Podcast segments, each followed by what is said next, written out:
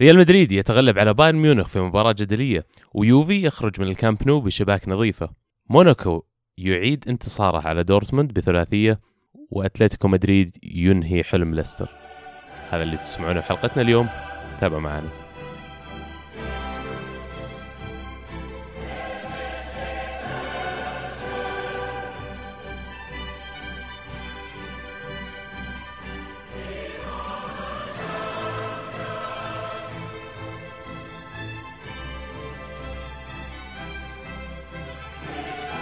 أهلا وسهلا فيكم اعزائنا المستمعين في هذه الحلقة من تغطية ربع النهائي الدور الثاني من مباريات خروج المغلوب بدوري أبطال أوروبا.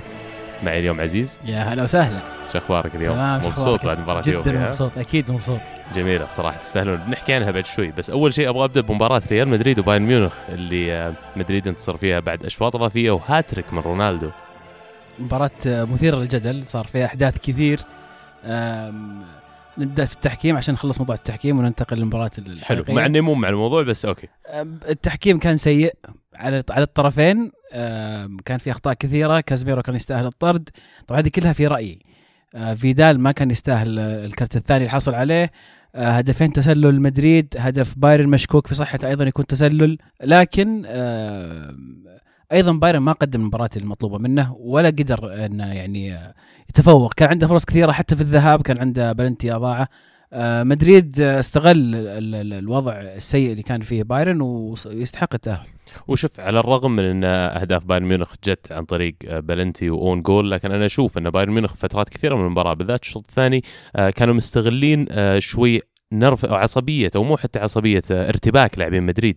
لكن آه، زيدان في المباراة هذه جاب ال- التوليفة 100% 10 على 10 زيدان يعني. فعلا. وطبعا رونالدو أثبت انه لاعب يحسم المباريات مو بس آه، كم وصل الحين؟ 103 تقريبا 102 الظاهر مع هذا 100 الهاتريك. هدف في ال Champions League أول لاعب يوصل الرقم هذا في ال Champions League فقط.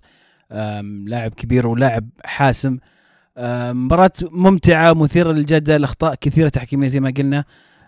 لكن هل تشوف إن مدريد هو الفريق اللي يستاهل يتأهل من هذه المباراة؟ والله من اللي شفته في المباراة هذه بالذات أسلوب تعامل زيدان معها آه، فضل إنه يستخدم إيسكو على أساس إنه يساعد في خط الوسط لأنه عارف إن آه، بايرن ميونخ فريق قوي في الوسط راح يتحكم بالكورة. فكان يساعدهم كثير بالذات لما كانوا يجون من الأطراف كاسميرو كان ينزل إلى منطقة جزاء مدريد على أساس يغطي العرضيات بعد كمان. فأسلوب تعامله مع المباراة كمان سحبة بنزيما وانه استعان برونالدو كرأس حربة صريح ونزل اسنسيو وفازكس حدت كثير من خطورة الأجنحة حقت بايرن ميونخ. وأشوف إنه أحد العناصر الأساسية كانت في الانتصار قراءة زيدان المباراة. مارسيلو كمان في المباراة ما مارسيلو توني بقول لك مارسيلو كان وحش في هذه المباراة. كان رائع فعلا قدم مباراة نموذجية لظهير أيسر فعلا. دفاع وهجوم. صحيح. أفضل مدافع على الطرفين وأفضل مهاجم كمان أنا بالنسبة لي كان على الطرفين. كل كرة يلمسها كان خطورة مدريد تنبع منها وسوى assist أو assist ين والهدف حقه يعني ما يحتاج. حتى. مو أنسب له الهدف إيه. هذا. لكن كثير بعد المباراة طالبوا بالتقنيه آه، الإعادة، إيش رأيك في الموضوع يا عبد الله؟ والله- شفنا أخطاء كثير هدفين لمدريد هدف البايرن. هل لو كان في مثلا بس تسلل خلي موضوع الطرد، الطرد تقديري ممكن نختلف عليه حتى لو شفنا إعادة، لكن تسللات واضحة. أنا قلتها قبل ودائما نتكلم عنها موضوع التسلل. أنا مع التكنولوجي فيه لأنه سهل قراءته أبيض وأسود هو يا تسلل يا مو بتسلل إذا قننت القانون نفسه. لكن آه، نشوف إن شاء الله يمكن في المستقبل. أنا مع في حالة في حالة واحدة فقط إنه ما يوقف اللعب، إذا في حكم مختص شغلته بس يشوف الإعادة بحيث إن الحكم ال- الأساسي خلاص يثق فيه واللعب يستمر أوكي، أما إذا الحكم بيطلع يشوف الإعادة لا. والموضوع ما ياخذ أقل من ثانية يعني عشان قراءة الأوفسايد. عموما إيش تتوقع حظوظ مدريد؟ ما يحتاج. حامل اللقب حظوظه أكيد آه، كبيرة. آم، أكيد الم- المرشح الأول مع اليوفي أشوف. يعني معناتها مدريد الحين يبغى إنه ما يسحب يوفي في ال semi final والله أعتقد أي أحد ممكن يخشى اليوفي الآن بعد المباراتين اللي قدمها برشلونة أعتقد الجميع يخشى اليوفي الآن. المباراة الثانية اللي عندنا اليوم ليستر استضاف الأتلتيكو على ملعبهم وانتهى الحلم للأسف يعني مات الحلم. مثل ما قال رانيري مباراة انتهت واحد واحد آه على الرغم من اللي صار لكن شيكسبير كمان تعامله مع المباراة كان رائع نزل بخطة وعلى الرغم من إنه دخل عليهم جول آه ظل مصمم على أسلوب اللعب هذا وفعلا الشوط الثاني لما نزل سحب آه، مدافع ونزل تشيلويل وقام يلعب 3 5 2 غير أسلوب اللعب ليستر صار أخطر بكثير وفاردي اللي قاعد يشتغل لين آخر لحظة في المباراة وفعلا يستاهل جاه الهدف اللي يستاهله صراحة فرحت له. ليستر يعني خلاص مهما يسوون الآن راح يبقون في التاريخ وهذه المباراة أصلا سواء ما يدخلون وهم خسرانين عادي لأن اللي سويناه إلى الآن شيء خرافي راح يتذكرون الجميع. رحلة جميلة قصة حل جميلة كويس إنهم ما راح يهبطون على ما يبدو خلاص إنهم حفظوا مكانهم في في الدوري آه، لكن أتلتي إيش رأيك في الأتلتي؟ هل تحس إنه ينافس ممكن آه، يعني تشوفه مرشح للقب؟ والله على الرغم من ترفيعنا كثير في ليستر وأنا دائما أنبسط على الفريق هذا لكن إذا أنت أتلتيكو قاعد تروح ملعب ليستر وتتعادل واحد واحد وإلى حد ما ليستر كان الفريق الأفضل في المباراة هذه ما أشوف إنهم أحد المرشحين. مع إن دييغو سيميوني حاط عينه يمكن على ثالثة ثابتة يمكن ثالث نهائي يلعب فيه يفوز فيه. ممكن لكن أنا أتفق معك. ما أشوف إن أتلتي الفريق اللي ما هو نفس أتلتي حتى آخر موس... آخر ثلاث مواسم اللي وصل للنهائي. في شيء مو ضابط في الدفاع عندهم دفاعهم مهزوز وهذا كان أقوى شيء في أتلتي دائما دفاعهم. وإذا تقارن فريق أتلتيكو هذا بالفريقين اللي وصلوا لل final قبل أنا أشوف إن هذا زي ما قلت أضعف فريق أتلتي في الثلاثة. صحيح. المباراة الثالثة اللي عندنا اليوم برشلونة يستضيف يوفنتوس في الكامب نو. ومبروك عزيز طلعتوا ب clean sheet. الله يبارك فيك. يعني أنا يعني حتى بوفون ما توقع.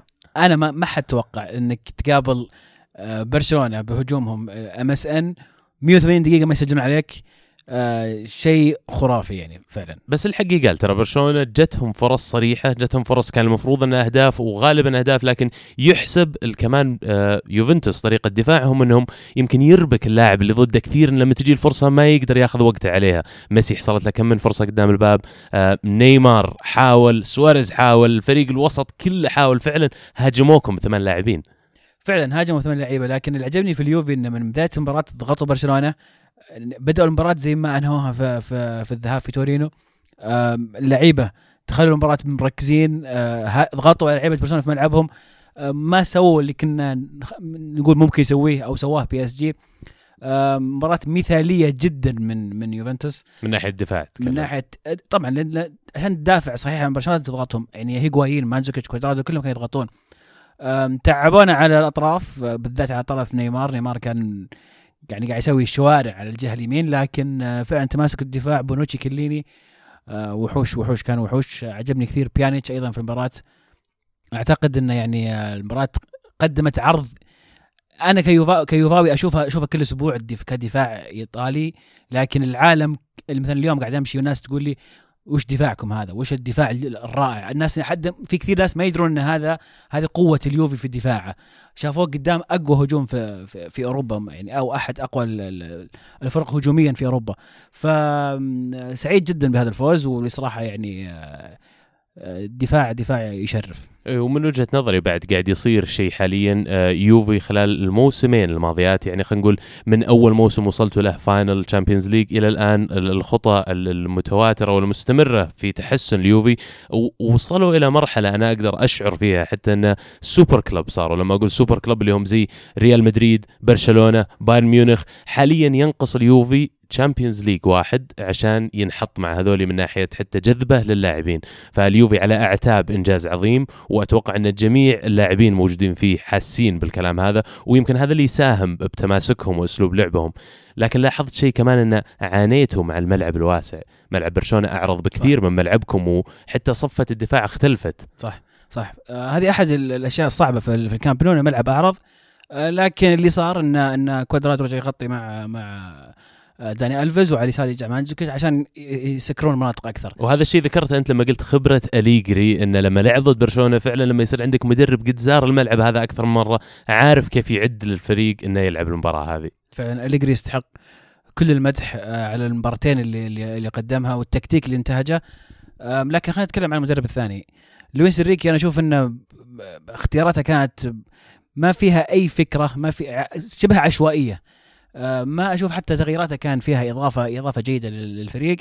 آم، أعتقد من مجرد إنه قال أصلا أنا آخر آخر موسم لي آه، كثير يتغير في الفريق. الفريق يبدا يفقد الثقة في المدرب يبدأ يفكر في المدرب اللي بعده. أذكرك بهاينكس مو شرط يعني لكن يعني برضو يعود لشخصيته هو في الأخير. صحيح. أحب ألفت النظر بعد على آه، موضوع انتقالات برشلونة خلال السنتين الماضيات. خلال السنتين اللي راحوا برشلونة صرف تقريبا 175 مليون يورو على لاعبين مثل باكو الكاسير على جوميس على أليكس فيدال على أردا توران. يمكن الوحيد اللي نجح من الأسماء اللي أذكرها اللي هو اومتيتي اللي أقدر أعفيه من القائمة هذه لكن الباقيين للأمانة صفقات فاشلة. يعني ما ودي أقول إنها فاشلة إن اللاعب ما له قيمة لكن تأثير المبلغ اللي صرف على الفريق ما يبرر اللي قاعد يجيهم الآن. تصرف 35 مليون على باكو القصير تصرف 35 أو 40 على جوميس بعد مبالغ باهظة واللاعبين مو قاعدين يقدمون لك الأداء اللي أنت ترجوه منهم. واللي ينزل الدليل انهم نزلوا من الدكة ما قدموا أي شيء إضافي. ففعلا دكة برشلونة كانت أمس غريبة جدا ما تعودنا نشوف دكة برشلونة بهذا الضعف. في معلومة قال لي إياها المهند إن في فريق في فريقين قبل اليوفي استطاعوا يوقفون برشلونة ذهاب وإياب اللي هم البايرن ويونايتد. وكلهم فازوا باللقب. قصدك يوقفونهم من التسجيل؟ التسجيل نعم. في في مباراتين. في معلومة ثانية قريتها اليوم إن في فريقين استطاعوا يوصلون نصف النهائي وما استقبلوا إلا هدفين في طول البطولة اللي هم اياكس وارسنال مع اليوفي وكلهم وصلوا النهائي. واحد فاز وواحد لا. حاليا لا شك إن اليوفي من المرشحين الأساسيين على اللقب وكل الفرق الثلاثة اللي موجودة في ال semi-final راح يرجون إنهم ما يسحبون اليوفي. أشعر إن هذه سنتنا بصراحة يعني. تستاهلون لو هي سنتكم. وآخر مباراة عندنا الليلة هذه موناكو يستضيف دورتموند ويفوز عليه 3-1 فازوا؟ 3 1 أي، وكملوا انتصار الذهاب 3-2 آه، فرق نتيجة المباراه 6-3 آه، مبابي يستمر في التألق يستمر في تحدي عمره اللاعب أقل من 20 سنة. 18 يعني لاعب 18 معلش سنة. اعذروني على الكلمة بس بزر. خمس أهداف قاعد يشطح. في في, في خروج المغلوب بس. فنعم اللاعب ينفجر وأحد احلامه أحد اللعيبة اللي ينظر لهم يعني كمثل أعلى رونالدو وأتوقع إنه يحلم إنه يلعب قدام رونالدو وانفجر معاه كمان قيمته السوقية حاليا لو إن موناكو باعوه في January كان يمكن ما جاب لهم ولا حتى 5% من المبلغ اللي ممكن يأخذون عليه في الصيف الجاي لأنه قاعد يطلع اسمه مثل يسمونه ال rising star يعني أو صحيح. ال- النجم المضيء بيصير بالنسبة لموناكو أحب أتكلم عن أسلوب لعب توخل في المباراة.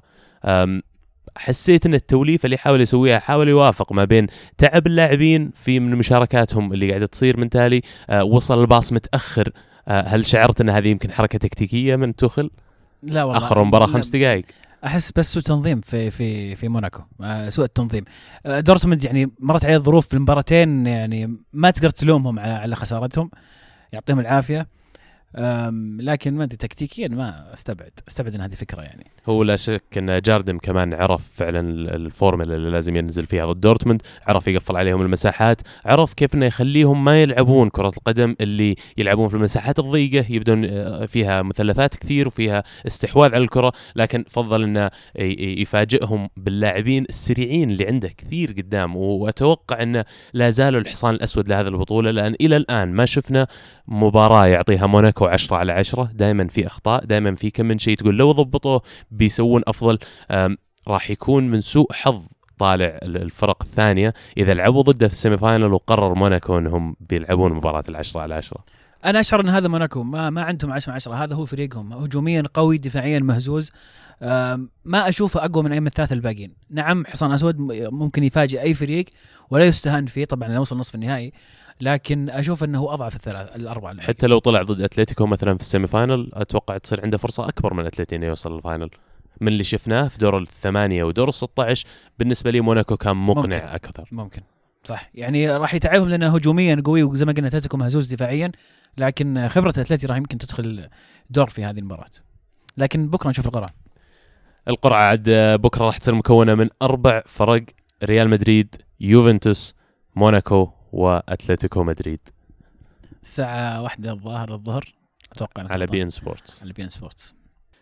كنا معكم في تغطية مباريات دور الثمانية من دوري ال Champions League. تابعونا سوونا follow subscribe في يوتيوب انستغرام سناب شات تويتر عندنا accounts على جميع ال social media. ما نستغني عن متابعتكم ودعمكم. كانت الكرة معنا. الحين الكرة معكم.